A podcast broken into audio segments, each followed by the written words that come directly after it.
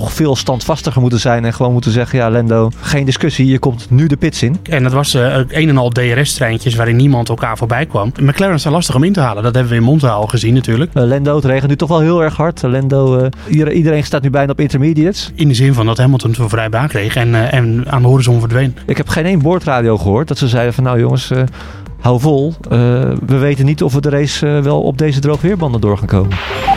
Yeah, here we go again. Get in there, Lewis. It's broken. It's broken. Flaps the steering wheel, yeah. Yes, boys, come on. Yes. Oh, this feels good. This feels really good. Welkom bij aflevering 18 van het vierde seizoen van de Bordradio. Dit is de terugblik op de Grand Prix van Rusland. En bij mij live in de studio zitten ze gewoon weer hoor. Joost Nederpelt en Patrick Moeken. Mijn naam is eh, Bas Scharwachter. Ja, jongens, tijdens de race dacht ik al, hoe gaan we hier in godsnaam een, een podcast van maken? Ja, je was alweer een beetje in paniek hè?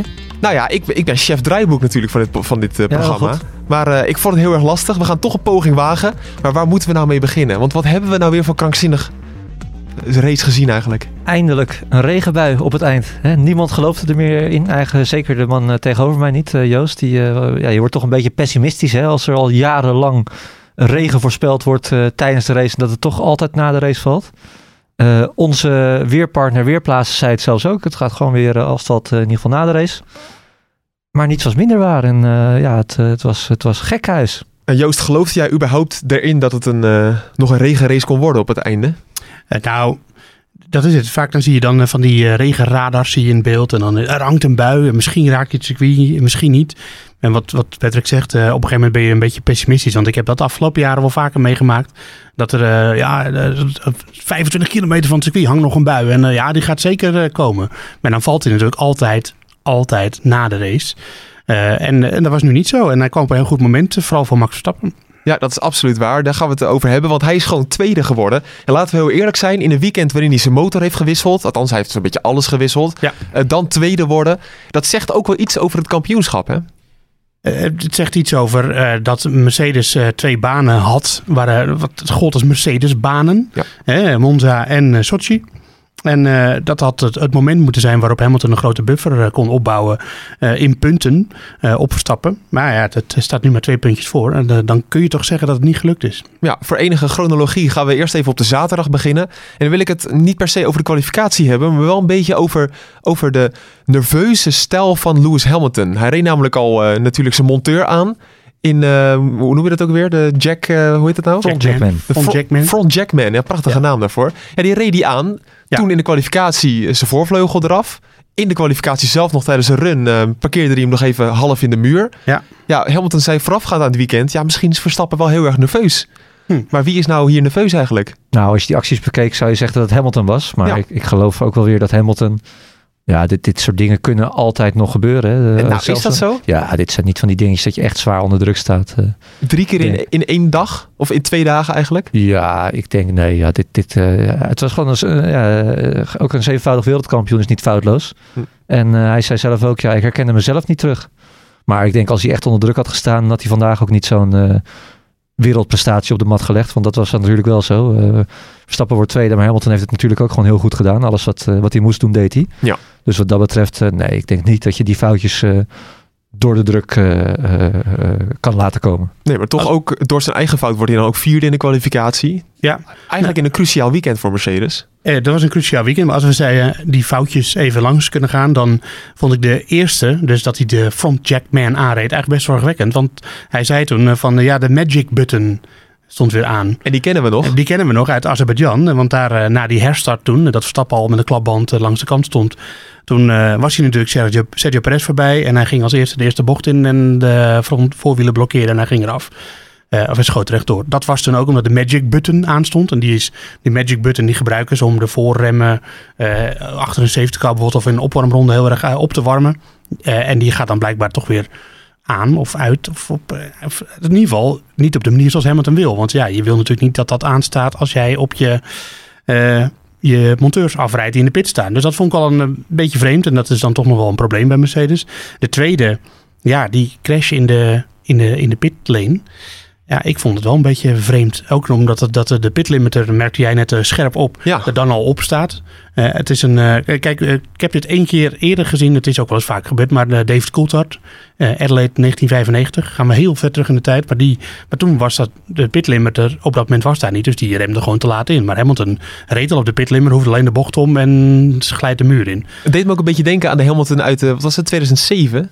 Dat hij eigenlijk zijn kampioenschap Het weggooide. grindbakje, ja, in China. In China. Ja, nou, dat, dat was een iets andere situatie. Maar het, ja, ik vond het, eh, hij verloor even de controle voor de auto. En eh, op een moment dat je het niet verwacht. En hij zei zelf ook, ja, dit verwacht je niet van een, van een wereldkampioen. Laat staan een zevenvoudig wereldkampioen. Hij was uitvoerig teleurgesteld in zichzelf. En ja, die spin was ook een beetje vreemd. En eh er zijn er toch een andere jongens die, eh, die hebben dan eh, natuurlijk ook, die konden profiteren van dat hun banden beter op temperatuur waren. Hè, want dat was heel essentieel in deze kwalificatie. Maar hij maakt wel ook een fout. Ja, dat zijn er wel veel in, in één weekend. Vond ik voor hem. Zeker als je de donderdag ervoor op een nogal opzichtige manier hebt geprobeerd om de druk bij Verstappen neer te leggen. En Ja. ja.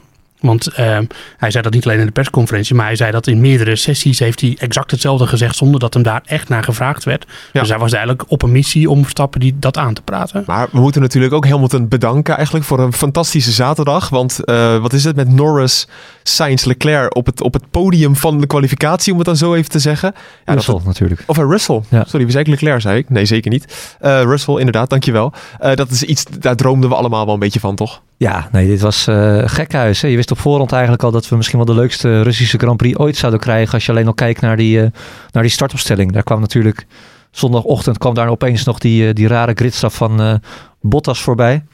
Waarvan ik trouwens duizend procent zeker weet dat ze dat hebben gedaan. Ook om Verstappen dwars te bomen. Maar dat plannetje is helaas mislukt. Ja, ik geloof er ook nog in. Heel eerlijk. Ik, ik snap het nog steeds. Misschien Joost, dat jij het nog kan uitleggen. Wat heb je nou nog aan een nieuwe... Wat, wat heb je aan motor nummer 5? Nou ja, we- kijk, ehm, er is geen, eh, we, we weten het niet. Dus eh ehm, Boeker die kan zeggen dat hij duizend procent zeker weet. Maar Dat dat, is natuurlijk de, de meest eh, grote onzin die je kunt bedenken. Want je weet het niet zeker. Ik, Maar Moeke, go- goede uitspraak, maar dankjewel. ja, het, is, het bekt wel lekker, duizend procent. Maar er is natuurlijk wel een, eh, een eh, zoals dat zo mooi heet, een, een motief. Dat is er wel. Maar wat Eh, dan? Nee, maar het motief om, wat, wat Moeke zegt, om Verstappen een beetje dwars te zitten. Ehm, aan de andere kant kun je ook zeggen, ja, eh, als er wel een probleem was bij, bij Bottas, dan... eh, ja, ze, er was duidelijk, er was volgens Mercedes in ieder geval iets met de motor en die hebben ze vervangen. Maar dan hebben ze alleen de verbrandingsmotor gedaan en dat was dan als een vijfde. Ja, het is een beetje een, ik vond het een beetje een. Monza.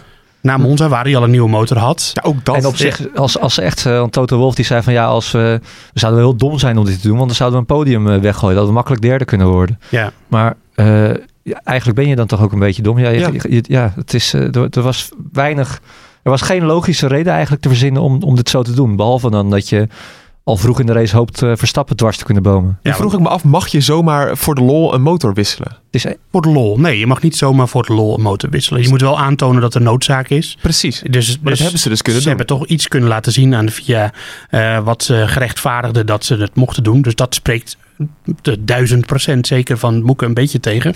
Eh, aan de andere kant zijn teams er ook wel een beetje slim in. En eh, het is de het is regel. eerder gebeurd, hè? Ook. Zeker. Het is ook de regel dat je het dan moet vervangen voor een onderdeel van dezelfde specificatie. Dus je mag niet even denken van eh, ik een geüpdate motor erin schroeven of zo. Maar ja, ik, het was een beetje vaag, vond ik het. En, en, en dat met het motief in het achterhoofd zit ik op 75% zeker. Denk ik dat het inderdaad een beursie was om Verstappen dwars te zitten. Ja. Wat, het daar, wat totaal niet gelukt is natuurlijk. Ferrari Maar- heeft het in 2012 gedaan met eh, Felipe Massa om, eh, in, in Austin. Toen wisselden ze een, een versnellingsbak, zodat... eh, Ja, om hem weg te krijgen, ja, toch? precies. Ja, Ja, om, om te Alonso eh, een plek naar voren te helpen. Ja. Oh, Ja, ja, dat.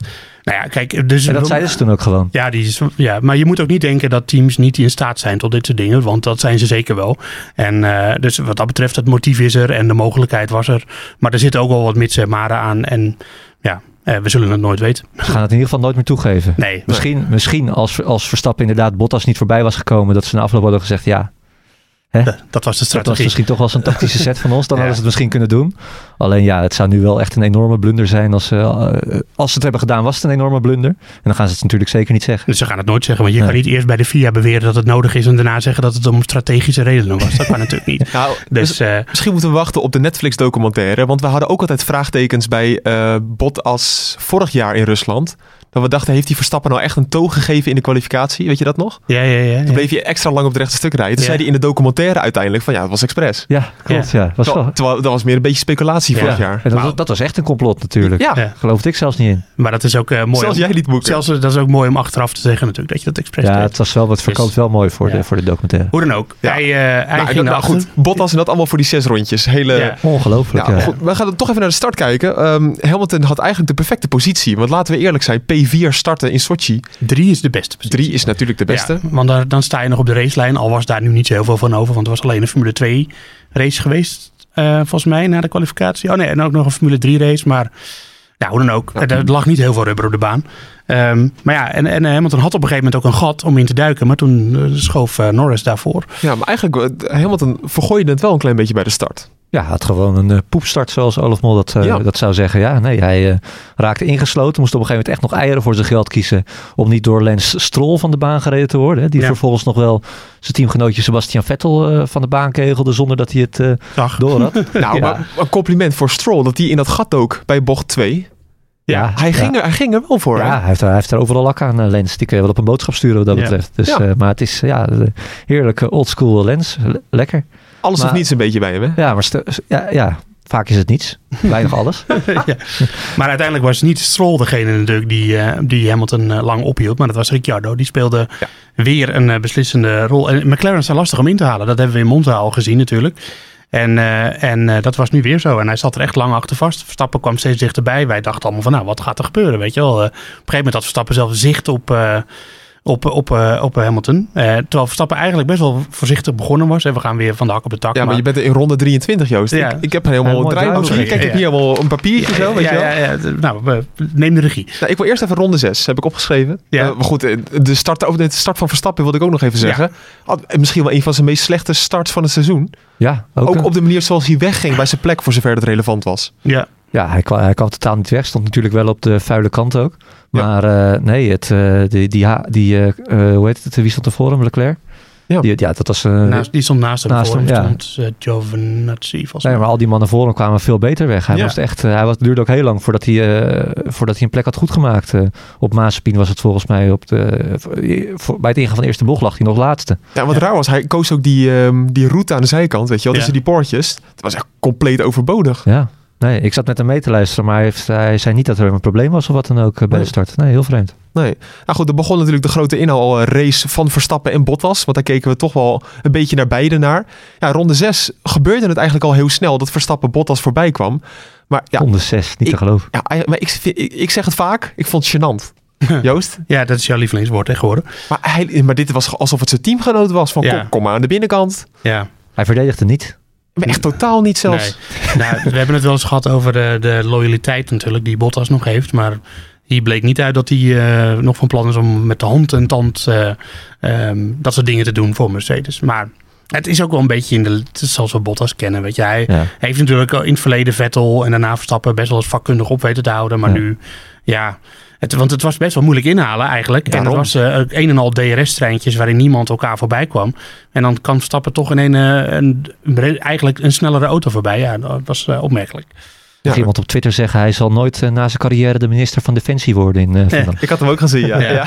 Dat geldt trouwens ook voor Carlos Sainz, maar daar gaan we het later nog over. Maar ja, ja dus eh, dat, eh, dat was dat. Waar, gaan we nu naartoe? Welk Nou, nee, zo gestructureerd hoeven we het ook niet te hebben. Nee, maar het gaat er wel een beetje om dat daar werd wel een beetje de toon gezet van de inhaalactie- inhaalrace van Nou, Verstappen. het, was, het was inderdaad zaak voor Verstappen dat hij zo snel mogelijk eh, Bottas voorbij zou komen. En trouwens niet alleen Bottas, maar al die coureurs. Als hij eh, ervan uitgaan dat het nog droog zou worden, weet natuurlijk nooit hoe het zou zijn gelopen. Als hij nog in de achterhoede had gereden en als toch niet regen bij was gekomen. Hm. Maar eh, nee, voor, hij legt daar wel de basis voor de, eh, een zeer sterke race. Ik denk dat heel veel mensen die eh, de beelden wel gezien hebben van de Verstappen van drie, vier jaar geleden. toen hij ook vanaf achteraan begon. In 2018, ja. Ja, als een warm mes door de boter sneed hij Dat destijds. is nu toch even wat anders. Dat is, het is niet meer te doen eigenlijk. Ook zo'n stroll inhalen of een Vettel, weet je wel. Maar dat is gewoon echt zo, omdat het middenveld is gewoon echt naar de top toe gekropen. echt goed, hè? En ja, het, het, dat is ook misschien een, een terugkerend gezegde bij ons. Dat het is ook wel jammer dat die regels op de schop gaan. Eigenlijk wel. Ja, het zit nu zo leuk dicht bij elkaar. Als je het nog een keertje zo gehouden had, dan eh, zat het volgend jaar nog dichter bij elkaar. ja, hoe- volgend jaar moeten we het nog maar zien. Misschien is het wel weer Mercedes of Red Bull of eh, een ander team dat er bovenuit steekt. Ja, de kans is best groot dat er inderdaad eh, één team het het beste voor elkaar heeft volgend jaar. En dat dan alles weer, eh, dat het zomaar in, dat die twee seconden voor zit of zo. Dat Moeten we weer opnieuw beginnen. Ja.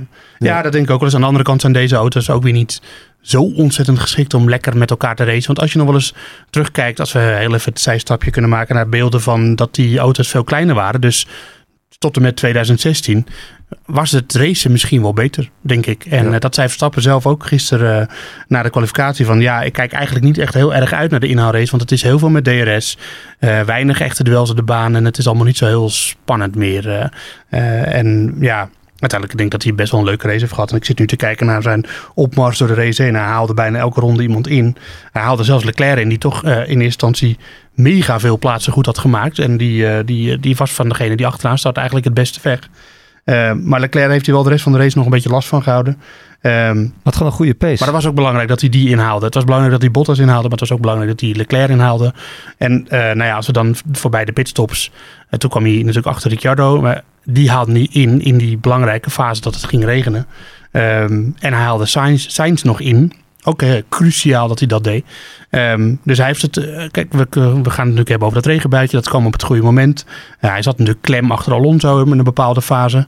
Eh, maar Verstappen heeft het uiteindelijk ook echt wel zelf afgedwongen. De, de kans werd hem geboden om wat te doen door die regenbui. Ja. Maar dat moet je nog wel doen. Ricciardo schiet voor hem vanaf de baan. Verstappen ook een beetje, maar net iets minder. We hebben dit allemaal terug zitten kijken. Sainz eh, die schiet voor hem van de baan. Verstappen gaat niet van de baan. Hij kiest op het juiste moment voor de, voor de, de, de, de, de intermediates. Ehm, dat deed de ander ook op een verkeerd moment. Zelfs Hamilton, want die zei dat hij zijn team nog een keer genegeerd had. Norris natuurlijk het extreme voorbeeld van iemand die niet goed naar zijn team had geluisterd. Ja. Ehm, hoewel, nou, daar gaan we het zo nog even over hebben of hij dat had moeten doen. Ehm, dus ja, eh, Verstappen heeft de kans gekregen. Het zag er even uitzichtloos uit. En toen kreeg hij de kans en toen dwong hij het ook zelf af. Ja, terwijl eigenlijk als je bedenkt dat in ronde 10 alles al klaar had kunnen zijn. Met die actie tussen Vettel, Leclerc en Verstappen. Ja. Zo, dat scheelde helemaal niks. ja, Ja, Nu wa- was er een beetje nou, speculatie of dat nou bewust was van Leclerc. Nee, gooide hij de deur dicht. Nee, want als je, als je die situatie helemaal kijkt, dan zet Leclerc hem daarna naast bij Vettel. Ja. Dus die was gewoon fo- gefocust op Vettel. Ja, weet niet hoe jij het hebt, maar ik kan niet twee kanten op kijken. Dus, en, eh, wat was Verstappen daarin misschien een beetje te hongerig? Want het Ja. gat was er wel, maar hij moet toch ook snappen dat Leclerc niet twee kanten op kan als je kijken. een coureur gaat inhalen die ook in duel is met iemand anders, dan weet je dat hij niet op twee dingen tegelijk kan Nee. letten. En dat, eh, Hij dat zag is het een echt net op tijd. Ja. Want, want ze raakten elkaar dus wel. Heel Ja. licht, maar ze raakten elkaar zeker. Ja. Hij, hij zei ook meteen, eh, let op mijn voorvleugel. Ja. Of is er iets mee in de hand? Ja. Had ze zorgen. Ja. Ging ook wat, wat los, moet ik eerlijk zeggen. Leek, leek zo. Achteraf waarschijnlijk niet. Maar eh, Nee, Patrick zat bolle cuppen niet te zaaien toen Ja. het gebeurde. ja, ik zag opeens eh, kleurtjes die daar niet hoorden te zitten. Kijk, rode kleurtjes. Ja. Ja, Had je Ja. dat gezien? Nee, dat heb ik niet gezien. Oh, Maar dat was ook niet zo. Maar dat, eh, Oh. dat dacht ik. ja. Is het ook een soort complotje dan? ja. Ja, is dat ook een complot? Nee, wel nee joh. Vergissing. Nee. Moeke die weet gewoon een al heel spannende race in zijn hoofd nog spannender te maken. Ja. Dat is op zich een goede eigenschap. Moeilijk om het hoofd koel te houden. Romanticus, toch? Ja. Ook, ja, zeker. Ja, daar had natuurlijk ook de prachtige strijd voorin tussen Norris en Sainz. Eh, weet je wat ik altijd zo leuk vind? We weten allemaal door social media, door eh, de, eh, vooral in de McLaren-tijd, dat die twee echt beste vrienden zijn. Ja. Die komen gewoon bij elkaar op de vloer op verjaardagen. Ja, hoe zal dat nou zijn, zo tegen elkaar racen? Ook, dan vergeet je dat. Ja, dat denk ik. ja, ik kan dat niet loszien. Ja, maar Ja? wa- wa- hoe moet zich dat dan openbaren? Nou, dat ik toch altijd denk van, nou, ze zijn toch wel lief voor elkaar. Nou, ik denk dat je juist eerder, eh, misschien juist al eerder niet lief voor elkaar bent. Omdat je gewoon denkt van, nou, bij hem kan ik dat wel maken of zo. Ja, Hm. ik denk niet dat dat echt een, eh, echt een ding is eigenlijk. Ik- dus ik bedoel, als, al, ga- al ga je nu kijken naar dat hele clubje, hè, dan tel ik Hamilton even niet mee. Die doet vooral... Die ziet gewoon die jonge generatie aankomen. Die doet vooral heel populair met die jongens. Dat, is, dat valt mij altijd een beetje op. Ah, fijn. Maar eh, Verstappen, eh, eh, Russell natuurlijk, Leclerc, die zit er ook een beetje bij. Sainz is wel een van de ouderen dan. En Norris. Dat, Nou. dat is ook gewoon een soort van kliekje. Ja, het is en- vooral Albon, Leclerc, Russell, ja, Albon, Norris. die, maar die, die rijdt nu niet mee, daarom noem ik die Nee, niet op. Maar, ja. en, en, en die, zijn, die kunnen ontzettend gieren, lachgieren brullen met elkaar naast de baan. Maar op de baan zijn ze figuurlijk bereid om elkaars kop eraf te trekken. En dat moet ook zo zijn, want anders kun je er net zo goed mee stoppen. Ja. En, dat, en al ga je ze dat op de man aan vragen, dan zullen ze dat allemaal beamen. Eh, want het is gewoon een vizier dicht, killer mentaliteit. En dan lachgieren brullen, dat doen we na afloop wel weer. Ik kan me één keer een crash herinneren op Suzuka tussen Albon in de Red Bull en Norris was dat.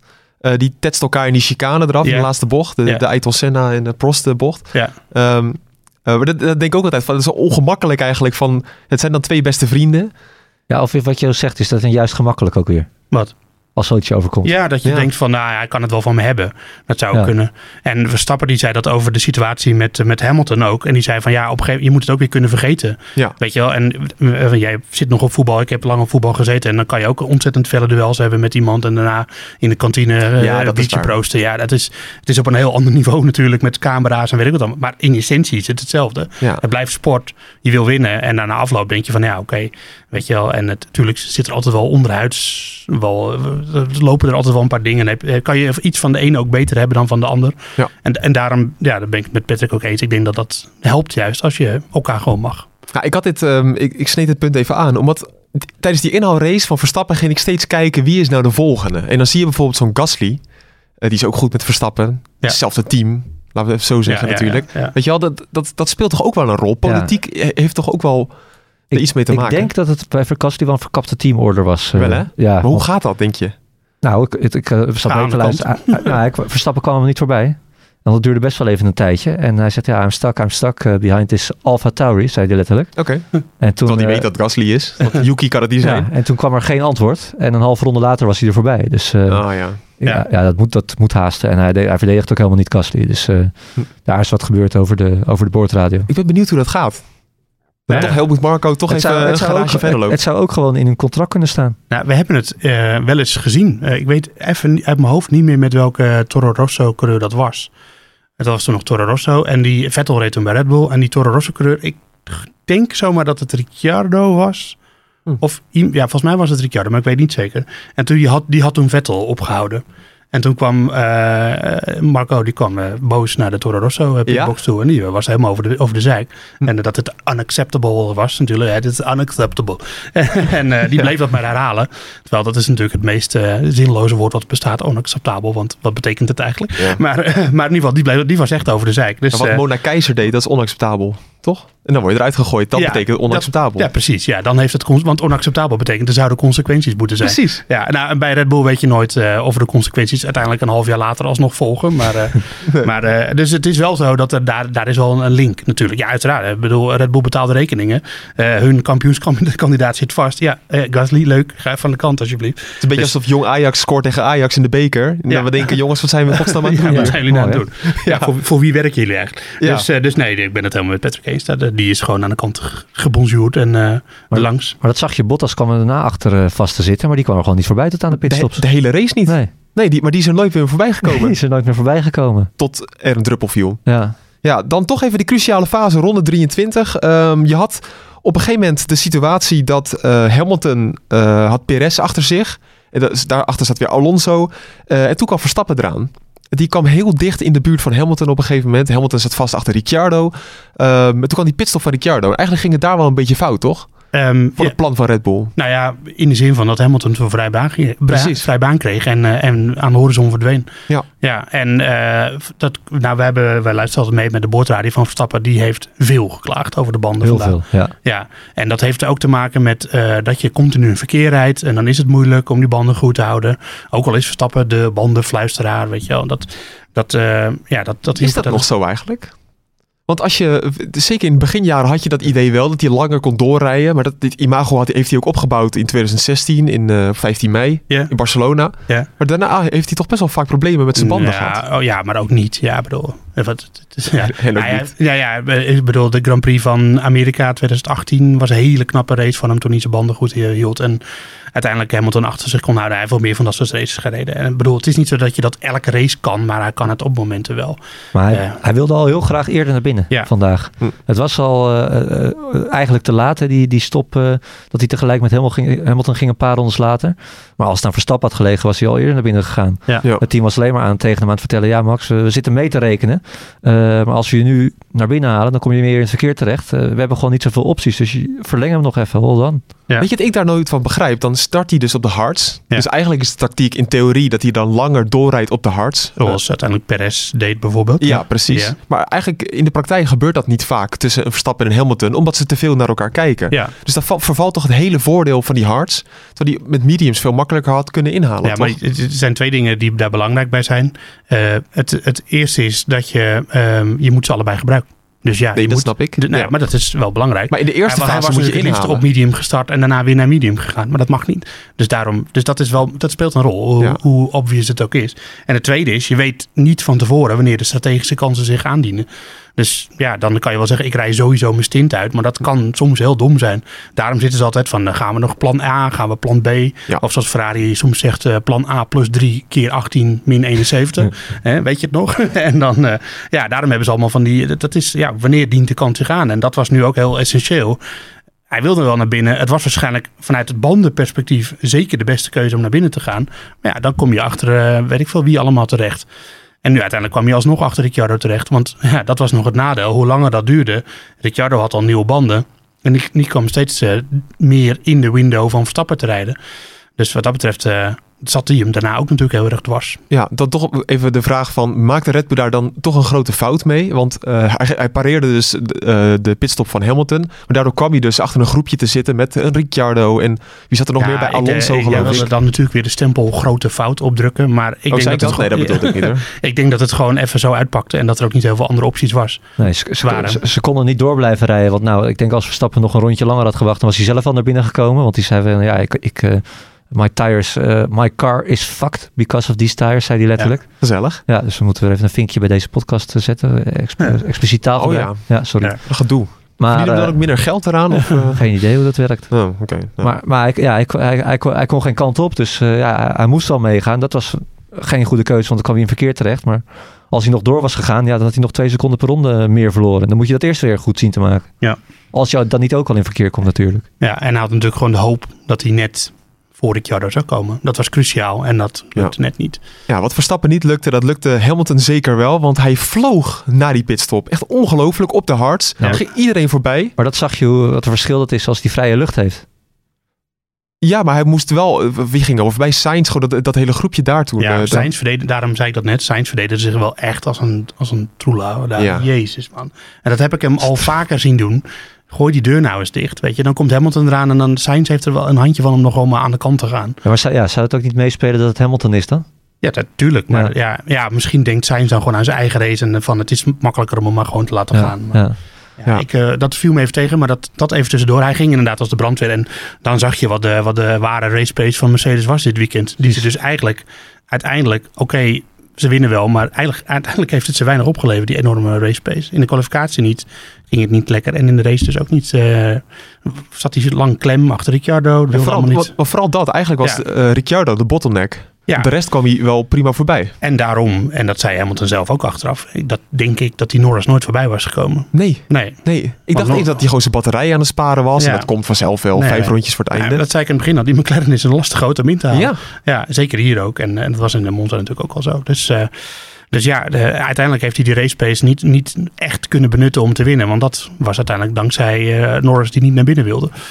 Daar, daar gaan we het zo meteen nog even over hebben. Nog één dingetje. Ronde 38 heb ik opgeschreven. Alonso had Verstappen in. Ja. Ik, ik begreep daar helemaal niks van. Nee, zijn banden waren weer eh, eh, kapot. Hij had Ja. blijkbaar al zo hard gepusht om, eh, Ja. eh, om zich naar voren te knokken eh, in die tweede stint. Nee, hij, hij, hij kon gewoon niet meer. Hij zegt, eh, die boordradio hebben we ook niet gehoord. Veel boordradio's die we niet gehoord hebben Nee, trouwens nee, vandaag. Maar hij zegt, ja, eh, ik, ik ga niet eens meer verdedigen. Het heeft helemaal geen zin. Hij was echt, hij was echt pissig in die auto. Ja. Sowieso een rare situatie. Want hij zat dan vast achter Ricciardo. Ja. Toen kwam Perez naar binnen. En die Ja. bleef ook voor Verstappen. Ja. Maar Verstappen kwam er gewoon niet bij. Nee, en hij reed ook weer weg, Perez, voordat het ging regenen. Ja. Ja. Want eh, ik, ik zat ook nog te denken, misschien krijgt hij wel een teamorder. Maar ja, dat slaat natuurlijk nergens op als, je, Ja, veel als- nieuwere banden. als Perez zoveel, zoveel sneller is. Ja. Nee. Ik denk dat ze misschien wel hoopten dat Perez eh, Ricciardo kon aanvallen. En dat het Max Verstappen daar... eh, ik mag van uh, Daan Smink, chefsport, niet Max zeggen. Oh ja. ja, ja. Dus dat Verstappen daar niet daarvan kon profiteren. Maar ja, toen zat, zat Alonso er al tussen.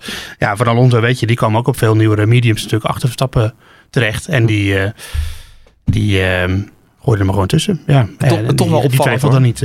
Want ja, precies, hij twijfelde niet. Maar de, Red Bull was zo snel dit weekend. Dat hebben we uiteindelijk ook gezien. Zeker op het einde. Eh, maar dat dan Alonso er voorbij komt. Moeten we daar nog iets achter zoeken? Of was dat echt gewoon een, een bandenprobleem? nou ja, een groot bandenvoordeel voor Alonso. Tien, tien rondes verschil. Ja, dat is zo. Ja. Ja, dus geen paniek, toch? Nee, Nee, hoor, nee. nee. Het is alleen maar leuk ook eigenlijk. Zo is het ook. Ja. Toch dat een eh, Alpine eh, Renault eh, er zo makkelijk voorbij kan. Maar, maar ik, dat moet ik wel zeggen, ik had de Red Bull wel iets sterker verwacht dit weekend. Het viel me toch onder de streep wel een klein beetje tegen. Kijk, Verstappen hebben we weinig in vrije lucht gezien dit weekend. Dus, eh, of in de race in ieder geval. Ja. En, en in de kwalificatie natuurlijk ook niet. Dus wat die kon uiteindelijk, dat, eh, dat weten we niet precies. Maar ik vond Nou ze goed, die paar rondjes en toen, regie heel indrukwekkend, eerlijk gezegd. Nou, Verstappen reed wel makkelijk door het veld heen, toch? Nee, dat klopt. Ja, door de eerste helft. Maar hij zat op een gegeven moment zat hij echt vast, eh, lang. En dat gebeurde Ja. Hamilton ook, maar dan nog. Ik, ik had het gewoon nog iets beter verwacht. En, en Perez, die, ja, hij zat eigenlijk de hele race in de mix. Maar uiteindelijk komt er weer helemaal niks van terecht. Maar dat is Perez, dat is niet de auto. Nee, dat Nou, is ook maar zo. ja. Daar heb je gelijk in. Maar als je het hebt over Perez, we hebben het de vorige podcast ook al over gehad, maar dit begint wel eh, nu echt zorgwekkend te We worden. moeten alleen niet vergeten dat die 8,9 durende pitstop van hem, die nekte hem wel heel erg. Hoor. Want eh, zuur. anders had hij wel echt eh, een rijtje verder naar voren terechtgekomen. Dan had hij, had hij misschien wel nou, niet kunnen winnen, maar dan had hij wel tweede geworden, denk ik. Dat, dat Zonder regen. zonder, nou, met regen. Want uiteindelijk in de regen vergooit hij Ja. Ja. verneukt hij het ook weer. Ja, Gem, je had die situatie dat op een gegeven moment eh, zag je, ik merkte het aan iedereen, ook mijn vrienden op WhatsApp, van Perez, nu kan je eindelijk Ja. eh, druk gaan geven op Hamilton. Want Hamilton was Ricciardo aan het inhalen, althans aan het proberen. Ja. Er kwam nul druk van achter. Dat is het toch waar Perez zijn salaris voor betaald wordt. Maar ja, maar het is het, eh, aan de andere kant ter verdediging, die DRS-treintjes, die zijn wel echt, die zijn echt En. Perez kon het niet bijhouden, dat is een beetje mijn Nou, punt. hij zat er dan weer af en toe bij en dan af en toe weer niet en af en toe weer wel. Maar het was nooit echt, echt druk. Nee, dat klopt. Ja. Maar ja, aan de andere kant, één auto ervoor zat Hamilton achter Ricciardo. Hm. Was in principe dezelfde situatie. Die kwam er ook nooit voorbij. Dus het inhalen was gewoon heel erg moeilijk. Maar ik merk soms wel een beetje bij Gasly en Albon. Die maakten veel meer fouten, ook qua crashes. Dat weet ik ook allemaal wel. Eh, maar dat was soms een beetje een heksenjacht. Eh, maar bij Perez zijn we nog aardig kalm. Hij heeft hoopkrediet. Hij maar is, dat, is dat ook niet omdat, omdat we gewoon van Perez weten dat hij best wel een aardig coureur is? Ik denk, dat het in hem zit, ja. nou ja, precies. Als je weet van, eh, het lukt ook Perez niet. Je had vroeger met Gasly en met eh, eh, Albon had je natuurlijk toch telkens een beetje die twijfel van, ja, hoe goed zijn die jongens nou echt? Ja, Kijk, precies. ik, ik denk nu is Gasly alweer veel verder dan toen. Ja. Maar, en bij Perez weten we gewoon, die hebben echt hele goede dingen zien doen in die Force India. Hè? Schurkte toch altijd tegen de, tegen de top aan. Dus ja, ervaren. Ik denk dat hij daarom meer, eh, meer krediet heeft. Ja, misschien dat we het nu ook een beetje echt laten landen van... oké, Verstappen is dus eigenlijk echt goed in die Precies, auto. ja. En als zelfs Perez het niet kan, ja, hou, dan houdt Leg het ons maar bij neer. Je ja. ziet het vandaag toch ook bij Mercedes in principe. Met Oké, Bottas, Bottas ja. start achteraan. Maar die heeft voor de rest echt als een natte wind gereden vandaag. Moet ik zijn. Ja. Ja. Ja, ik geloof er dus nog steeds in dat de Red Bull helemaal niet de snelste auto is. Maar dat Mercedes gewoon veel sneller is. Maar dat Verstappen er, er veel meer uithaalt dan... eh, kunnen. We, gaan, we gaan nu naar een paar leuke circuits toe. Als, eh, ja. Maar ja, ik... nee, Het is gewoon een vraag die je niet kan beantwoorden. Nee. Nee, maar Nee. Ik, ik, dat gevoel heb ik ook als je naar de kwalificatie kijkt. Hoe kan je nou achtste worden? Nou, en tenminste, ja, deze kwalificatie is niet heel, eh, niet heel Representatief. representatief. ja, Nee, hij maakte ja. weer een foutje met het opwarmen van zijn banden. En kwam Ja. er niet goed uit op de, met, eh, qua tijd. Ja. Nee, het was eh Het niet gaat, goed. het gaat ook. eh, hij is niet altijd snel genoeg, maar het gaat ook heel vaak niet vlekkeloos bij, Ja, bij. En aan wie ligt dat dan? Ja. Weet je wel, dat, eh, ja, want dat herinner ik me wel natuurlijk. Gasly, die had ook heel veel kritiek op het team de hele tijd. Ja. Dat het team hem niet goed begeleidde. Eh, eh, is Red Bull En terecht dan, toch met de kennis die we nu hebben. Ja, ja, precies. Is Red Bull dan te gefocust op, op Verstappen? Dat zou kunnen natuurlijk. Hè? Dat, het, eh, dat alle focus naar Verstappen uitgaat. En oh ja, ah, we hebben ook nog een tweede auto. Ja, het zou, zou kunnen. Ik denk dat het niet helemaal zo zit hoor. Maar, Nee, dat, dat zou Red Bull toch ook niet bij ja, maar er gaat toch wel ongelooflijk veel fout bij Perez. Ook in de kwalificatie steeds. En dan kan hij weer niet een, re- een ronde rijden. En Ja, maar het is ook een combinatie, denk ik. Het van is, hem en, ja. en zijn engineer. Maar dat loopt gewoon niet soepel. Ja. Eh, en dat gebeurde nu zaterdag natuurlijk weer. Dat het niet helemaal... eh waarom, waarom zit hij daar niet bij aan het einde? De Norris, eh, Russell, Russell maakt als eerste stop. Ja. Ja, hij, kijk, Perez heeft in principe ook niet heel veel te verliezen. Want hij nou ja, wordt evengoed toch wel achtste of negen in de top 10 eh, qualifying. Dus maakt niet. Ja, die had die gok toch ook kunnen nemen. Maar dat gebeurt dan weer niet, weet je wel. Dan denk ik, ja... Ja, terwijl je van Perez weet, die wordt toch wel achtste. ja, dat ik zeg. Ja, dat, ja. Nee, geintje natuurlijk. Dan nog even één Nee, dat dingetje is gewoon nog. zo. Ja, dat, dat is dat is zo'n beetje zijn, zijn gemiddelde eh, kwalificatieplek, toch? Meestal. Nou, weet je wel inderdaad. Ja. Nog één dingetje voordat we het echt over de, de regen gaan hebben. Eh, eigenlijk veel te lang mee gewacht, maar we bouwen hem mooi op. Mooi, hè? Ik zei tegen jou, Joost, dit is een reclame voor de een reversed grid. Dat is al een discussie die loopt al heel lang in de Formule 1. En nou goed, we zijn aan het experimenteren met een sprintrace en alles. Maar reversed grid is nog niet uit het hoofd van de, van de Amerikaanse eigenaren. Ehm, ja, toen ik deze race Maar dat, zag... dat geldt voor de sprintrace, hè, dan even voor de duidelijkheid. Nee, ja, dat klopt. Ja, Ja, precies. Maar ja. reverse grid wordt nog steeds genoemd. Dus dat, de, dat je in de kwalificatie het omdraait en dan Ja. de nummer... Omgekeerde WK-stand bijvoorbeeld. Of, of dat kan natuurlijk ook. Ja. Ja. dus Hamilton altijd vanaf P10 en dan Verstappen negende en dan... eh, Oh zo, ja, de top 10 omgedraaid. Ja, top 10 omgedraaid. Formule 2 stijl. Ik zag deze race met ook Russell, weet je wel, die iedereen ophield. Ik denk, dit is geweldig. Ja, ik vond het ook leuk. Maar ik heb, heb ik ook al vaker gezegd. Dat, eh, ik, ik, ik, eh, die, die sprintrace die we nu hebben is een soort halfbakken oplossing. Waar eigenlijk niemand blij mee is. Nee. Ja, pak het dan eh, helemaal goed aan. En pak wel de omgekeerde... maak er een race op zich van. En maak, pak de omgekeerde WK-stand. ja, voor het spektakel. Voor de neutrale kijker. Als jij gewoon een keer een leuke race wil zien. Dan moet je een omgekeerde startvolgorde doen. Omdat het eigenlijk heel gek is. Als je gewoon een normale kwalificatie hebt. En het is in het droog.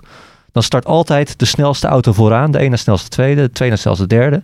En dan zitten we op zondag vaak te klagen waarom we geen inhaalacties zien. Hm. Nou ja, dat, is, dat heeft daar ook mee te maken natuurlijk. Ja, ik vind het eh, te, te kunstmatig om dat te doen. Ik, dat snap ik En, ook. en eh, voor de sprintrace kan ik er nog inkomen. Voor de hoofdrace sowieso hè, totaal niet. Want dat, dat is gewoon de essentie van Formule 1. Je kwalificeert je en dan... eh, Nee, Maar waar ik, wel, eh, waar ik wel voor te porren ben, eh, want dat was natuurlijk nu ook het geval, is dat we af moeten van die bandenregel in Q2.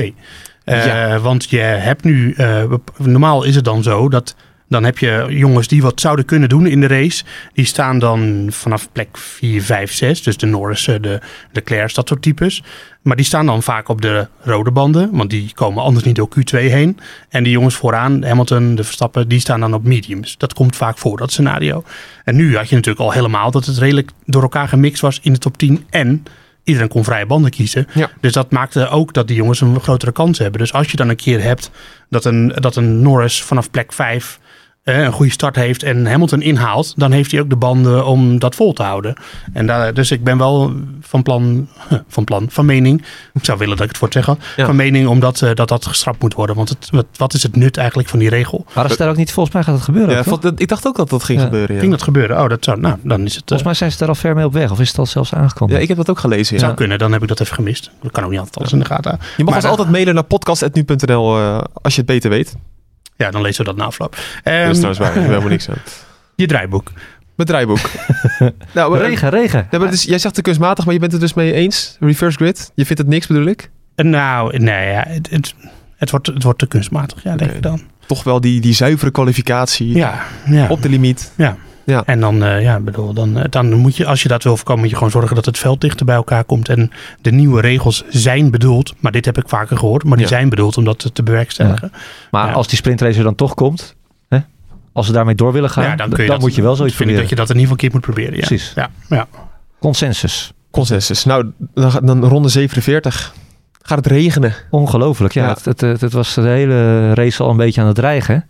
En ik heb toch ook het idee dat, ze, dat de teams het ook onderschat hebben. Misschien dat ze zelf ook wel een beetje in slaap zijn gesust. Dat ze, zeiden van, of dat ze dachten van nou, we hebben het al zo lang niet meegemaakt. Het zal nu ook wel na afloop van de race vallen. Nou, Ja. daar geloof ik helemaal niet in. Want er Nou, zitten 300 man op de, op Nee, de fabriek. dat, dat wel, maar ze zeiden van ja, lichte regen. Hè, het, het, eh, het, het zou niet heel veel voor moeten, spellen, voor ste- moeten stellen. Ik heb tegen niemand, eh, ik heb geen één boordradio gehoord dat ze zeiden van nou jongens, eh, hou vol. Eh, we weten niet of we de race eh, wel op deze droogweerbanden door gaan komen. Mm, ja, nou, er werd al wat gezegd naar de coureurs over regen. Het in de gaten, jawel. Ja, Maar zo erg? nou, het wisselde een beetje bij de ene. Volgens mij, is, ik, ik weet niet meer zeker, maar volgens mij was dat zelfs de boordradio naar Sainz. Of naar iemand anders, dat ze zeiden van, ja, wij denken dit, maar andere teams, andere Ja, krijgen klopt. andere Oh, ja. dingen te horen. Eh, dus er was ook niet helemaal Nee, maar, nee, maar consensus dat, was, die- letterlijk werd daar gezegd van ja, we, we- tegen Norris was dat. oh, tegen We, Norris, ja. verwa- ja, ver- we verwachten lichte regen, Ja. maar tegen andere teams zeggen ze dat het nog zachter gaat regenen. ja. En toen ging het uiteindelijk nog harder Ja, regenen. maar Dus, dat was ja. wel in een andere fase van de race, Ja. moet ik zeggen. Anyway, het ging regenen. Eh, en dat, toen was natuurlijk de vraag, hoe gaat iedereen erop reageren? Ja. Nou, we hebben net de, de, nou, de top 6, 7 eh, allemaal teruggekeken hoe, dat ging. Het was, het was want dat is natuurlijk de situatie dan. De regie eh, was al, ehm, nou laten we zeggen, niet goed. want er werden- vielen echt dingen gewoon compleet buiten de uitzending. Ja, maar ook, ook na afloop niet. Nee, het was, dat was echt belabberd. Ja. Maar ja, de regie kan er niks aan doen dat er gebeuren zoveel dingen in die paar rondjes. Hè, ronde 47, 48, 49 gebeuren zoveel dingen. Dat is onmogelijk allemaal in beeld te vatten. Dus er was ook gewoon voor, heel veel, voor ons ook een beetje onduidelijk wat er nou precies gebeurd was. Want ja, wij moeten het ook gewoon doen met de tv-uitzending. Niemand kan op acht schermen tegelijk kijken. Ja, je doelt nu eigenlijk op, hoe kan het nou dat in één keer een Science weer derde Ja, lag? ja, ja, Daar heb je het over. hè? Ja. Want Sainz hebben wij op de boordradio van Verstappen onder meer zien ploeteren. Maar mag, ik- mag, ik- mag nog even een stapje terug Ja, nog? Want het- zometeen gaan we dat hele verhaal ontleden. Maar allereerst even, hadden jullie het idee van... ehm, je moet gewoon door bl- blijven rijden, want het zijn nog maar vier rondjes. In het geval van Norris en Hamilton, want daar keken we naar. Twee rondjes waren volgens mij redelijk redelijk nat, maar Ja. niet heel nat. En twee rondjes, de laatste twee rondjes, toen was het gewoon bal. Ja. Misschien de laatste drie rondjes. Op een gegeven moment toen Norris werd ingehaald door die eh Haas-coureurs, toen was het, dat was wel pijnlijk dat, dat, eh, ja, dat hij eigenlijk al te laat was. Dan wist je wel hoe laat het was. Ja. Ja, Door ja. Mazepin. En je kan zeggen wat je wil over Haas. Zij gingen als eerste de gok aan. Hè? Ja, Ja, ja, dat is ja. mooi, hè? Ja. Ronde 46 zie ik hier Ja. op mijn Ja, schema. Nikita. Ja, opvallend is dat daarna in ronde 47 Yuki Tsunoda nog naar de softbanden is gewisseld. Ja, maar i- dat- inderdaad. Dat was een foutje. Gewoon verkeerde banden. Nou, dat lijkt me toch sterk. Het enige wat ik daarvoor Ja. kan bedenken is dat ze hebben gedacht, eh, weet je wat we doen? Wij eh, maken ook een pitstop, want iedereen gaat toch stoppen. En dan maken, gokken wij op dat het toch niet nodig is. En dan hebben wij snelle softbanden. En dan rijdt de rest straks eh, op Inters of ze moeten nog een keer. Dat is het enige wat ik kan bedenken wat ze gedaan. Want hij reed toen al redelijk ver naar achter. Dus het was op zich niet zo hele... hij zat in een positie om een gokje te wagen. Dat, dat is ook wel weer zo. Ja, maar, oké, maar als je kijkt naar de mensen voor hem, dat waren Bottas en Rijkonen. Ja, en die deden wel het goede. En Bottas wordt gewoon vijfde. Dus Yuki had gewoon... Ja, maar ook dat Achtste kunnen worden. Eerlijk is eerlijk dat Bottas die pitstop maakte en, en Rijkonen dus in diezelfde ronde. Ja. Toen wisten zij natuurlijk nog niet dat het echt ging doorzetten. Nee. Dus, want dat wist eigenlijk niemand. Dat kwam toch een beetje ja, uit het niets. Ja, Verstappen zei dat was een rondje te vroeg. Wat Ja? zij Toen deden. Bottas naar binnen ging. Ja, omdat je dan op... Zijn banden waren op dan. Het was nog te droog en dan Ja. slijt je dat profiel eraf. Heel erg. Dat zei dus ook tegen Verstappen nadat hij op zijn Inters de pits eh, uitreed. Van eh, let heel erg goed op je linkerband voor. Oh ja. Eh, want eh, die heeft het zwaarste verduren. En, rook hem niet op voordat je bij, de, bij het water aan bent eh, aangekomen. Ehm, Want, nou, want zo is dat gewoon als je met inters op droog asfalt rijdt. Dan, het is vrij zacht rubber. En Ja. eh, dan, eh, dus die, dat slijt vrij snel, ja. ja. dan heb je er gewoon niks meer aan. Nou ja, dan gaat het profiel eraf. Dus dan is het in essentie gewoon een slik.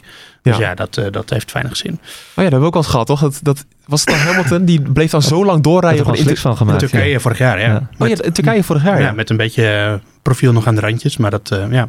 En dan werd het gewoon een slik en dan kon je gewoon doorrijden. Ja. Mooi, hè? Ja. Super vet. Ja. Ja, nou in ieder geval eh, Bottas, die, ja, die, die, ja goed, Mazepin opende het bal.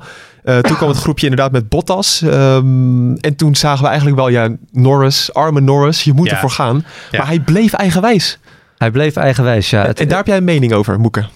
Nou, dat is toch een beetje die jeugdigheid. Wat, je, wat ik ook trouwens bij eh, eh, Leclerc had dat. eh, was het Leclerc? Ja, Ja. dat was Leclerc. Die had het ook eh, een beetje. Die wilde ook per se niet eh, eh, gestoord worden. Hè? Want Leave me alone. Ja, want dat hoor je, wel, hoor je wel vaker zeggen. En dan worden ze ook al vaak om bejubeld. Van kijk nou eens, eh, die jonge jochies die zitten helemaal in hun zoon.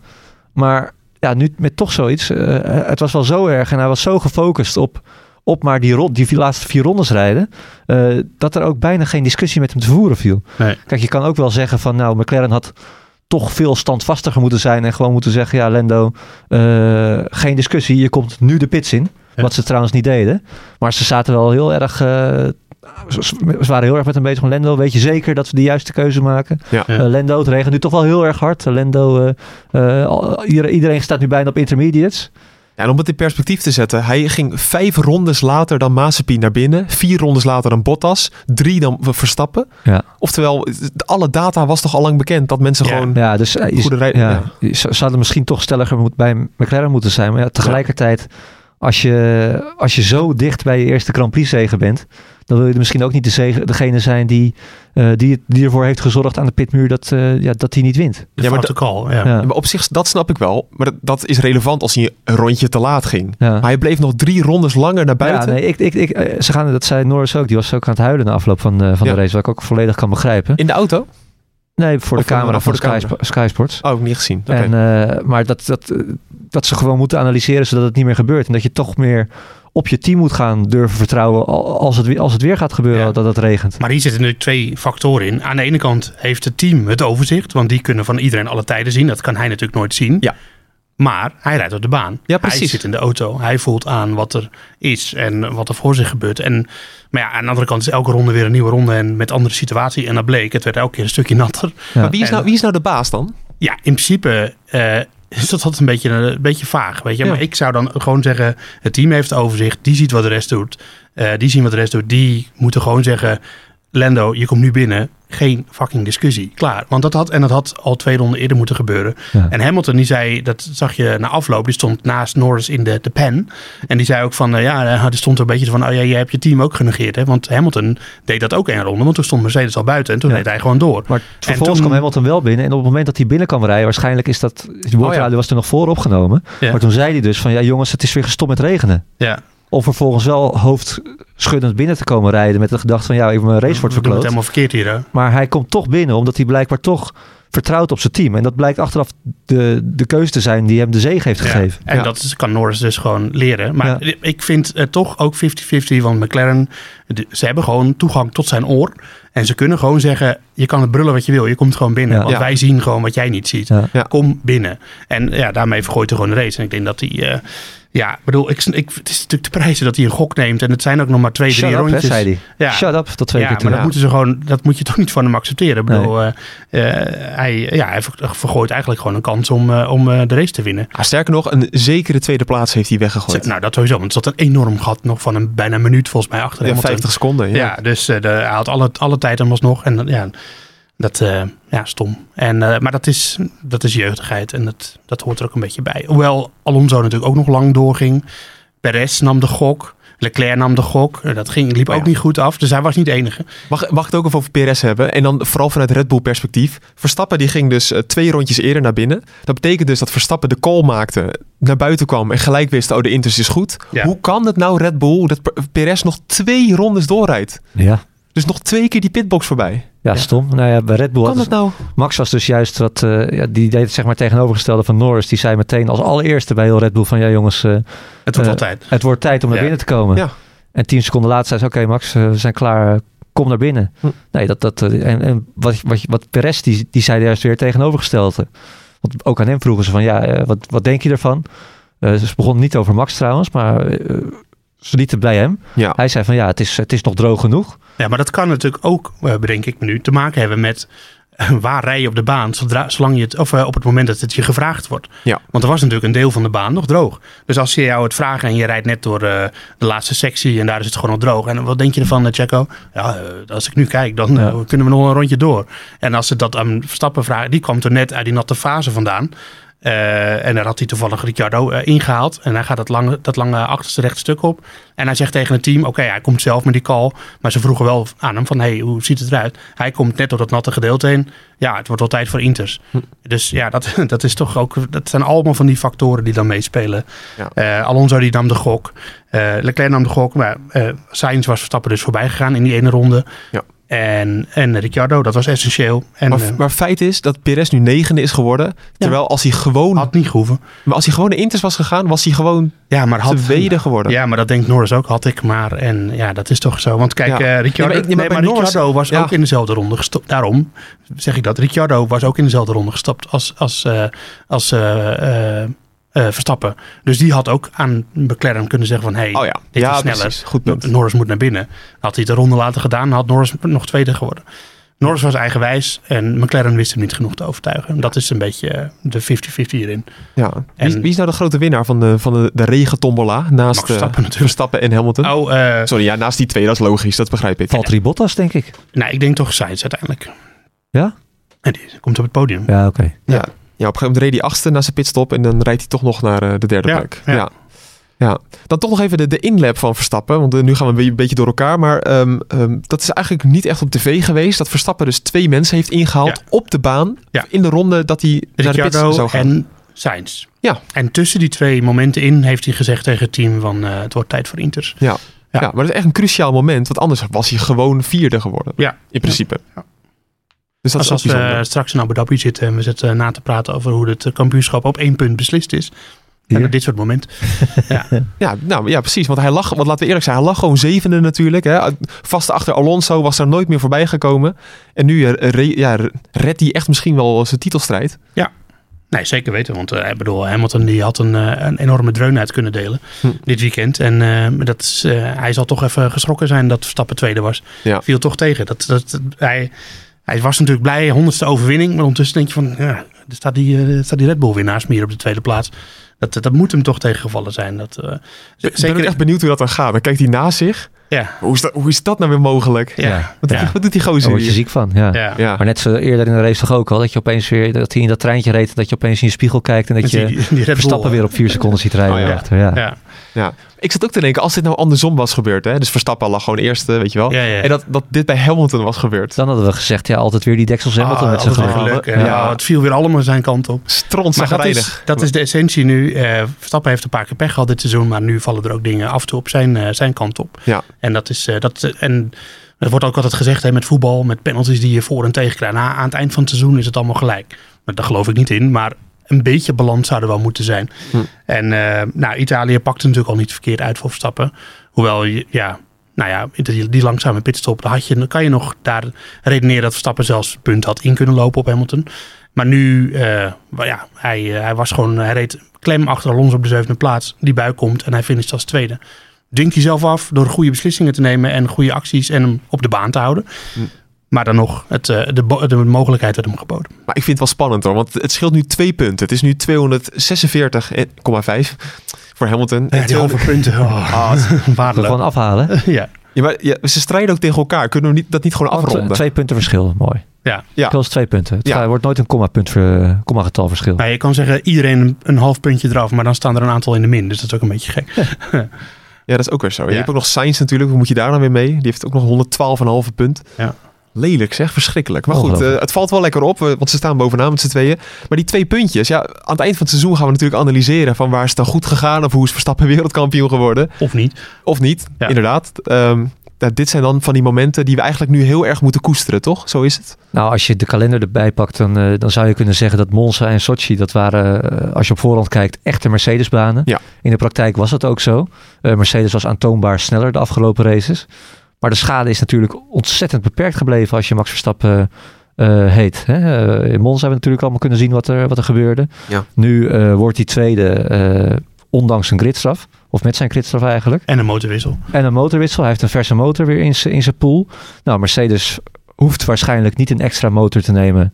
Maar misschien ook wel. Hè? Wat gaat, wat, eh, we hebben het ooit, eh, is een titelstrijd beslist eh, bij Hamilton. eh, omdat zijn motor klapte in, in mijn lijstje. Hè? Met, Ja. Met Rosberg. met Rosberg. Ja. Ja. Eh, ja, het ziet er gewoon echt ontzettend goed uit eh, voor Verstappen. Als je kijkt naar de kalender wat er nu nog aankomt. Ja, maar dat, dat eh, moet je wel in het achterhoofd houden. Voordat we helemaal eh, de euforie al eh, te, te ver de boventoon laten voeren. Hoezo? Hij is toch al wereldkampioen? ja. Ja. Kijk, die, dat, dat eh, Hamilton twee keer niet kan profiteren op een Mercedes-baan. Dat omgekeerde kan natuurlijk ook gebeuren twee keer op een Red Bull-baan.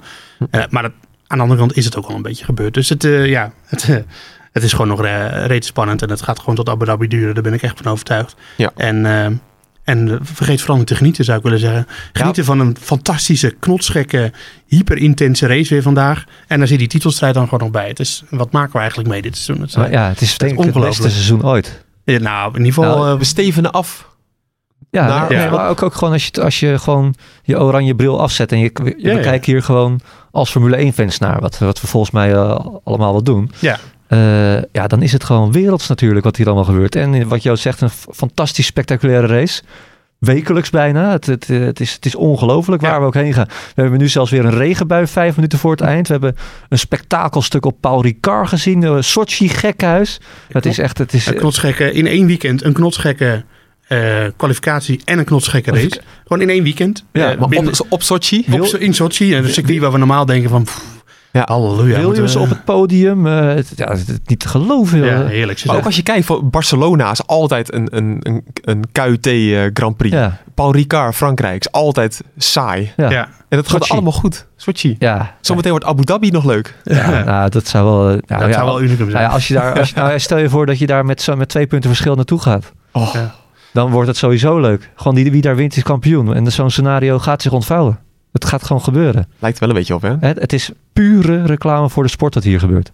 Maar weet je wat het ook is? We weten niet hoe lang het seizoen nog gaat, gaat duren. Ja, Jawel, jawel. denk Nog zeven Grand Prix. Door corona bedoel ik eigenlijk. Ja, nee, dat snap je ik. weet niet wat doorgaat. Nou, ik denk dat alles wat er nu op staat, dat gaat wel door. Want Turkije gaat sowieso door natuurlijk. De Verenigde Staten, Mexico, Brazilië krijgen we. Ik denk dat die gewoon doorgaan in principe. Ja, en dan Saoedi-Arabië. Die gaat sowieso door. Op Sinterklaasavond zie ik trouwens. Oh, oké. Leuk. Ja, dat is wel geinig. Kijk, wat Zondag is- 5 december. Kijken wat de Sint in petto eh, heeft. eh. Komt hij, gaat hij ook naar Saudi-Arabië? Of, eh? Volgens mij komt Sinterklaas officieel uit Turkije. Ja, dat klopt ja. inderdaad. Ja. Geweldig. Ja. Nou, slap gauw. We gaan eh, door naar het Nieuwsport GP-spel. Want volgens mij eh, er zijn weer gaten gevallen. Dat is niet normaal. Ja, slachtoffers gevallen, joh. Nee, het, eh, je verzint het niet. Je had eh, goed kunnen scoren, of juist niet eh, dit weekend. Als je gewoon vast had gehouden aan je team van Hamilton en, en Verstappen, ja, dan was je, had je goed gezeten. Er zijn heel veel mensen die dit spel een paar weken geleden nog een keer hebben bekeken. Nooit meer hebben aangepast. Die hebben nu gewoon Verstappen en Hamilton in het team. Ja. De winnaar trouwens niet. Oh. Dat is Jonky. Jonkie? Ja, zo waren een, eh, een goede vriend van mij, Mark Jonk. Ja, ongelooflijk. Ik wist niet eens dat hij meedeed, maar blijkbaar luistert hij naar deze podcast. Oh, Leuk. Als het hem is, misschien is het wel een ander. Nou, het is me niet, ja. Eh, die had een team met Hamilton, Norris, Sainz en Schumacher. Dus geen eens Verstappen. Eh, Oké. En een goede voorspelling. Oh, ja, je natuurlijk Sainz, ja, als je daar, ja, dat, ja, oké. Ja, ja, nee, prima. Van ons drieën was ik het slechtst. Plekje 371. Joost plek 221 en Bas op eh, plaats 160. Heel goed, eh, Bas. Nog wel, ja. Nou ja, ging nergens over. Nee, eigenlijk niet. En ehm, ja, in het algemeen klassement eh, geen verschuivingen. Ik heb, ik heb even de Ja. stand en moet ik hem even snel erbij pakken. Ik zie hier snel Ctrl F. Ja, ja, ja. Nee, op, in het algemeen klassement staat onze nummer 1, die al weken bovenaan staat, staat nog steeds op, op 1. beetje de verstappen van, nou, althans niet, nee, eigenlijk niet. Slaat nergens op wat ik zeg. Nee, wat Verstappen staat niet wekenlang op één natuurlijk. Maar Nee, en nee. hij, do- hij domineert wel het seizoen. Precies, ja. P2 van Dorst, dat was hem. Ja, Peter P2 van van Dorst, eh 1382 punten. Nou, lekker zeg. Ja, we gaan, eh, we gaan toewerken naar, eh, ja, wij staan er gewoon laag. Dat is niet meer het vernoemen waard. Ja, ik, ik, ik zoek het volgende keer wel Ja, op, eh. zoek het uit. Ehm, we gaan kijken naar ja, vooruitblikken op de Grand Prix van Turkije. Die is over twee weken, zondag eh, 10 oktober. Nu is wel een beetje de vraag. De vorige keer hadden we regen. De baan was verschrikkelijk qua, qua grip. Is Nieuw dat asfalt. Ja, ja, toen was, was, toen was een nieuw combinatie van nieuw asfalt en regen. Ja, dat was niet best, hè? Nee, en het leukste was toen dat moment dat ze toen op zaterdagavond eh, straatauto's eh ja, urenlang grip rondjes hebben laten rijden om Ja. grip neer te leggen. Ja. En toen volgens ging het weer regenen. Ehm, ja. Maar weet je hoe dat, hoe dat nu is daar? Nee, het is een groot vraagteken. Ehm, kijk, eh, we- kwalificatie en regen in de race. in de race in de regen. Sorry, het begint een beetje later worden, mensen. Dat ja, het is gewoon een groot vraagteken. Oh. Ik zou niet weten welke, wie daar het snelste gaat zijn. Voor de mensen die denken, waarom maken jullie geen vooruitblik meer? ja, als je zo antwoordt, nou, ja, het is allemaal een vraagteken. Nee, ja, maar dit, nee dit, dit, dit is, kijk, van Mexico weten we, daar gaat Red Bull normaal gesproken snel zijn. Amerika denk ik ook. eh, Brazilië. eh, Brazilië. Ja. Maar hier eh, nul ervaring eigenlijk eh, op, eh, onder eh, representatieve omstandigheden. Dus Ja, en idee. kwalificatie is weer heel belangrijk, toch? Want inhalen is eigenlijk heel moeilijk gebleken. Ja, ja, ja. Nou ja, vorig jaar nog wel wel regen natuurlijk, waardoor het allemaal iets anders is. Maar ja, ja nee, eh, ga er maar voor zitten zou ik zeggen. Ja. Ik, ga- ik ga daarheen hè trouwens. ja, dat wil ik ook nog zeggen. Wij hebben gewoon een verslaggever te plaatsen. Ongelooflijk. Ja, ik hoorde jongen. dit ook pas een uurtje geleden Ja. ongeveer. Hoe, hoe zit dit? Istanbul, ja. Nee, eh, extra reisbudget eh, vrijgekomen. Ja, hartstikke mooi. We, gaan, Nee. we zijn er gewoon bij. dat is niet hoe het zit. Maar dat maakt niet uit. Hij gaat heen. naar de- Ook wel weten waarom eigenlijk. nou, we zijn gewoon in de coronatijd natuurlijk weinig gegaan. Dus eh, dat is niet extra reisbudget. Maar we hebben gewoon Oh. een reisbudget. Oh, ja, nee, ja. precies. Nou, maakt niet uit. Ja. Dat hoeft voor de rest eh, hoeft niet iedereen dat, eh, te weten hoe dat precies bij ons gaat. Natuurlijk. Ja. En we hadden heel veel geld ingecalculeerd voor het EK. Dat we naar Baku zouden gaan en eh, Londen voor, voor het voetbal bedoel ik. ja, ja, Hoeft ja. allemaal niet, hè? Nee, dat, Liep helemaal niet door. anders. Nee. Nee. Nee, nee. Het was alleen, eh, we waren ook weer Bulgarije waren we. Ja. Nou goed, maakt niet uit. Turkije, dus dat gaan we allemaal... Ja, Hongarije. Ja, Je was er zelf heen? Ja, waar was ik Ja. ook weer? Ja. Ik zat, ja, ik, zat er, Hongarije. ja, Budapest was Oh, ik. ja. Ja, ja. Oh ja, dat was het, ja. Ja. En de hoofdstad van Bulgarije, wat is dat dan? ja Skopje. Ja. Nee, dat was een Sofia, geitje. toch? Goed zo. Dat is een geitje. Ga je schoolgeld terughalen, jij? Ja, dat was een grapje. dat was een grapje.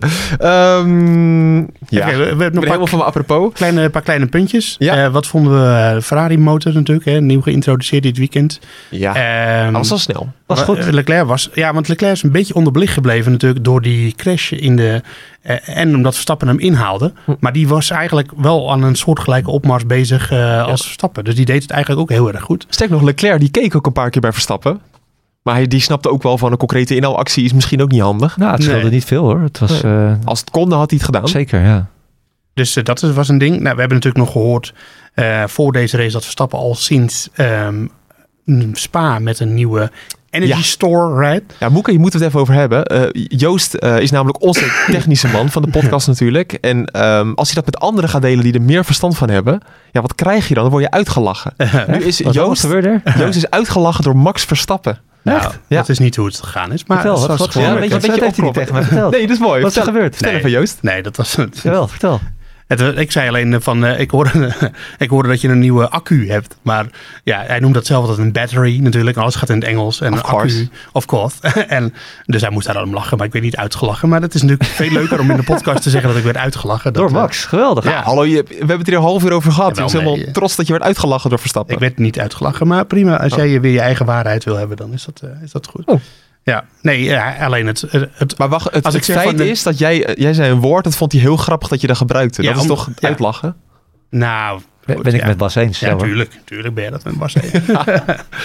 maar hoe dan ook. Eh, die heeft hij dus. En eh, Ja. ja. ja, Maar kan, je- kan je kort, sorry, dan toch even serieus, kan je kort uitleggen wat het nou precies is en wat Red Bull er nou daadwerkelijk aan heeft? Nou, eh, de accu, de Energy Store, die, het, het, het zorgt er vooral voor dat je dus... ehm, eh, je hebt natuurlijk dat, die elektromotor die meedraait met de motor. Dat is 160 pk. Eh, dat is, nou, eh, als je 160 pk in je straatauto hebt, dan doe je leuk, doe je leuk mee. Die draait dus extra mee met de brandstofmotor. Ehm, en die wordt opgeladen door de MGUH en de MGUK. Nou, hoe, die dat, hoe dat gaat, dat gaan we nu allemaal niet even behandelen, want dan wordt het ingewikkeld.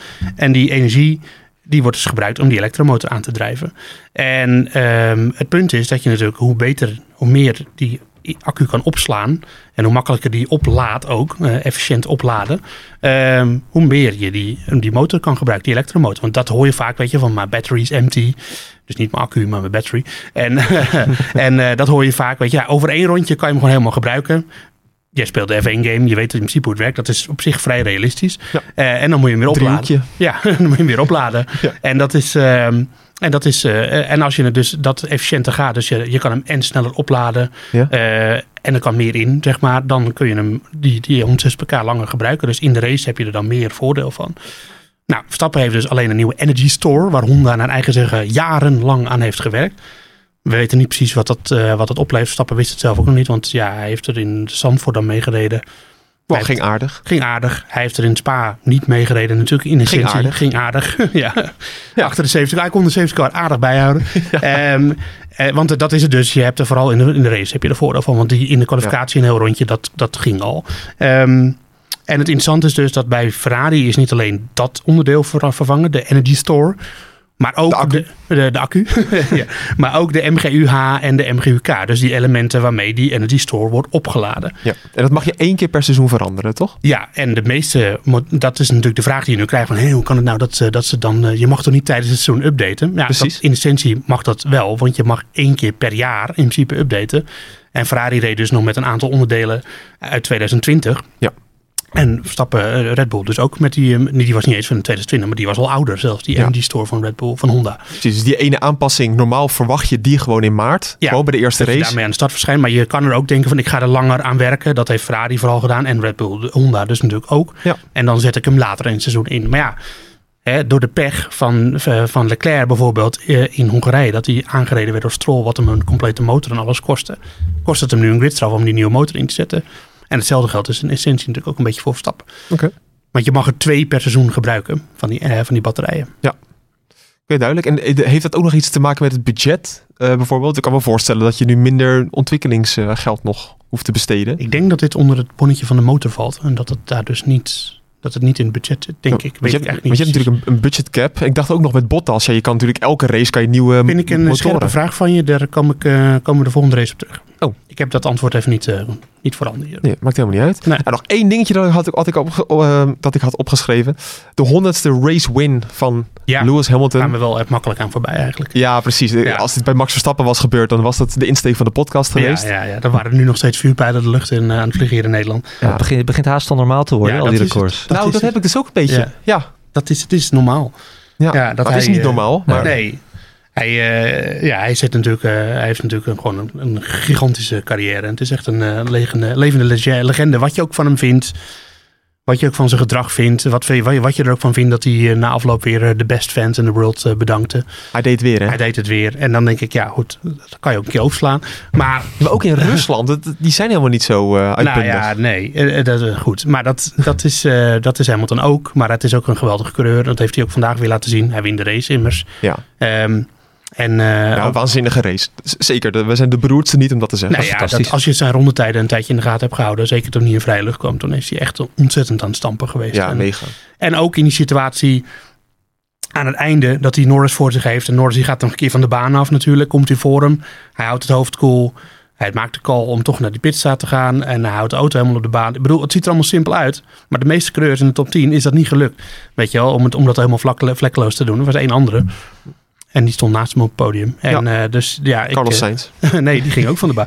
Dus, eh, dus ja, dat is, eh, dat het, Hamilton is natuurlijk gewoon een klasbak. Wat je ook van hem vindt. Ja. En Ja, daar moeten we soms ook wel eens wat bij stilstaan. Een 100 overwinningen, dat is echt gewoon, eh, zoals de jeugd tegenwoordig zou zeggen, insane. Ja. Of sick. Wat is het betere woord? Want jij bent een stuk Ja, jonger. cool. Nee, ik het cool is Vet gaaf. Vet gaaf.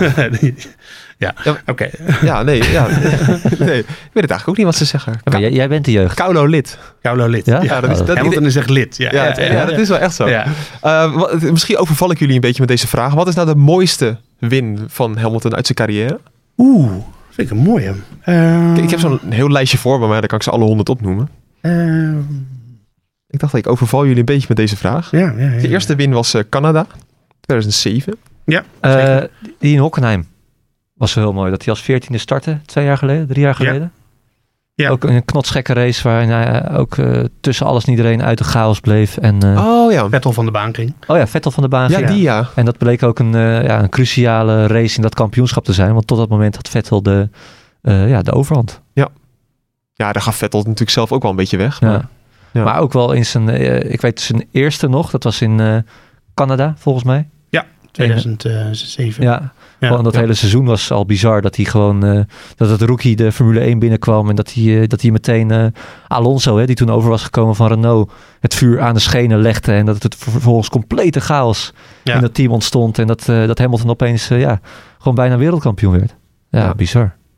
Ja, de mooiste. Ik heb niet, kan er niet eentje zo eh, bedenken. Nee, ik, vind, ik zit ook even dat lijstje Ja. te kijken, maar... Ja, ik, de- ik denk dat eigenlijk relatief, als ik ga relatief ga, ga kijken naar wat zijn mooiste was, dan denk ik dat dat, ga ik een hele gekke noemen, Abu Dhabi 2009.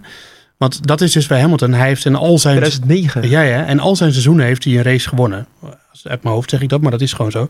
Maar in 2009 was de McLaren echt, echt een draak van een auto. En domineerde Jensen Button met die Brown het veld. En Sebastian Vettel ehm, in, de, in de Red Bull zat er dichtbij toen al. En dat was een mooie strijd. En volgens mij, uit mijn hoofd, won Hamilton toen alleen de laatste race in Abu Dhabi. Ik zeg het allemaal uit mijn hoofd, dus eh hou me goede. Ehm, en, en, maar dat, was, dat is gewoon weer een teken dat hij elk, elk seizoen is er wel een, een keer, was er altijd wel een keer, ook bij McLaren, als ze niet de snelste auto hadden, dat hij het dan toch weer wist te winnen. En dat is eigenlijk wel een teken van iemand die gewoon heel erg goed is, denk ik dan. En eh, Volgens mijn lijstje heeft hij wel in 2011 gewonnen in Abu Dhabi. nee, 2009 ook. Of hij zou winnen en begin nu dingen door elkaar te houden. Dat is goed. Live fact check. Live fact check in de... Ja, in de Ja, ik heb zo'n cirkel, dat heeft gewoon de Formule 1 geplaatst zo. En daar zie ik dan eh, 2011 zie ik staan. Oh, mooi. Oh nee, In hij de- heeft in in de 2009 in Singapore in... Nou ja, maakt het verhaal eigenlijk alleen maar sterker. Hij heeft zelfs twee races gewonnen in 2009. En hij was toen onderweg naar de, win de winst in Abu Dhabi, maar toen viel hij uit. Dat is het verhaal. Mooi. Oh, Ja, maar eh, daar red ik me Dat is dan niet zijn mooiste. daar nee. red ik me weer goed uit, hè? Ja, dat red je hier mooi uit. maar de, de McLaren eh, van dat jaar, de MP24, was echt een draak van een auto. En Ja. toch wist je ermee te winnen in terwijl een super competitief veld. Dus eh, Wel mooi geluid. zeker. Hij was eh, de eerste, eh, volgens mij was hij de eerste overwinnaar met een auto met kers. Oh ja. Zeg ik ook uit mijn hoofd. Dus ik moet ook wel een beetje uitkijken met dingen die ik uit mijn hoofd zeg. Ja, nee, Hongarije 2000. Maar dat, dat zit er toch nog steeds in in de auto. Maar ja, het dat is essentie hetzelfde, Ja, probleem, eh, de- hetzelfde systeem. Ja. was toen echt een ding. Ja, gewoon de overtake button toch? Een soort Ja. van. ja, en toen eh, de, de, de Braun en de Red Bull, die hadden het niet. Want die dachten, het weegt meer dan het ons oplevert, zeg maar. Oh. eh, in de auto. Eh, ja, Red Bull had wel zo'n systeem, maar dat werkte, dat was van Renault. Dus dat werkte niet heel goed. En dat woog wel heel veel. En ehm, eh, ik weet, hoe zijn we in deze dwarsstraat beland eigenlijk? Ja, geen idee. Eh, en eh, de, de, Ik ben al lang afgehaakt, eerlijk zeggen. de McLaren en de Ferrari hadden hem wel, het kersysteem. En toen zag je heel vaak, vooral van Hamilton, dan bij de start had hij daar heel veel aan. Dus dan kwamen de auto's met kers, vooral Hamilton, die kwamen dan naar voren zetten. Omdat die jongens die vooraan starten, omdat ze eigenlijk over een hele ronde de snellere auto hadden. Het niet hadden. Dus dat levert altijd wel leuke startsituaties op. Nou, in ieder geval de overwinning van Hamilton eh, hier in Sochi. dat was de kerst op de taart. Ja, mooi. Zo was het ook. Ja. Eh, 100 race-overwinningen Nee, dus. Trouwens, wat lullig nou. Natuurlijk, die Grand Prix in Turkije vorig jaar, op die slicks, eh, tot slicks gereden eh, intermediate, dat was natuurlijk zijn eh, mooiste zege. Kampioen werd. Dat werd hij ook nog kampioen. Oh ja. Ja. Nou, ook mooi. Nou, Maar ja, dat toch fijn dat we na Abu vijf Dhabi minuten... 2009 was ook leuk. ja, maar die won hij niet trouwens. Abu Detail, Dhabi maar- 2009, ik ga het nooit vergeten. Ja. Ja, Nee, eh, we, we gaan er een einde aan breien, mannen. Dit was eh, de terugblik op de Grand Prix van Rusland. Ja, ongelooflijk wat een seizoen. Eh, we gaan toewerken naar Turkije. Moeke, ik wens jou daar heel veel plezier. Dankjewel. Ehm dus alle verslagen die je rond die Grand Prix op nu.nl leest, komen dus vanuit, vanuit Istanbul. Nou, nee, Nederpelt gaat ook nog... eh, Ja, die maakte drie Vanaf analyses. stond. Ja, bak toch? gas geven, natuurlijk. Ja. Wordt, komt, wordt helemaal fantastisch. Nou, te gek. En daarna ga ik naar Mexico. Mexico. Ja. Ja. En dan moeten we nog even pitchen aan Daan Smink, die toch deze podcast luistert, dat we met z'n drieën naar Abu Dhabi mogen. Ja. Als daar de, de titel beslist wordt, hè? Ja, dan moeten we met z'n drieën heen natuurlijk. Ik zit te denken, zo meteen wordt het beslist in, in eh, hoe heet het ook weer, Jeddah? Saudi-Arabië, ja. Saudi- Saudi-Arabië. Ja. Wordt ook een mooi avontuur als we daar met z'n drieën heen mogen. Ja, dat- Ik denk niet dat jij ooit eh ik denk niet dat ik... eh, Saudi-Arabië nog nee. mag. dat denk ik niet. Laten we maar afsluiten. Oké, nou bedankt voor het luisteren. Heb je nog vragen of opmerkingen, dan kan het altijd eh, via Twitter, @debordradio of natuurlijk via ons mailadres podcast@nu.nl. Bedankt voor het luisteren en tot over twee weken.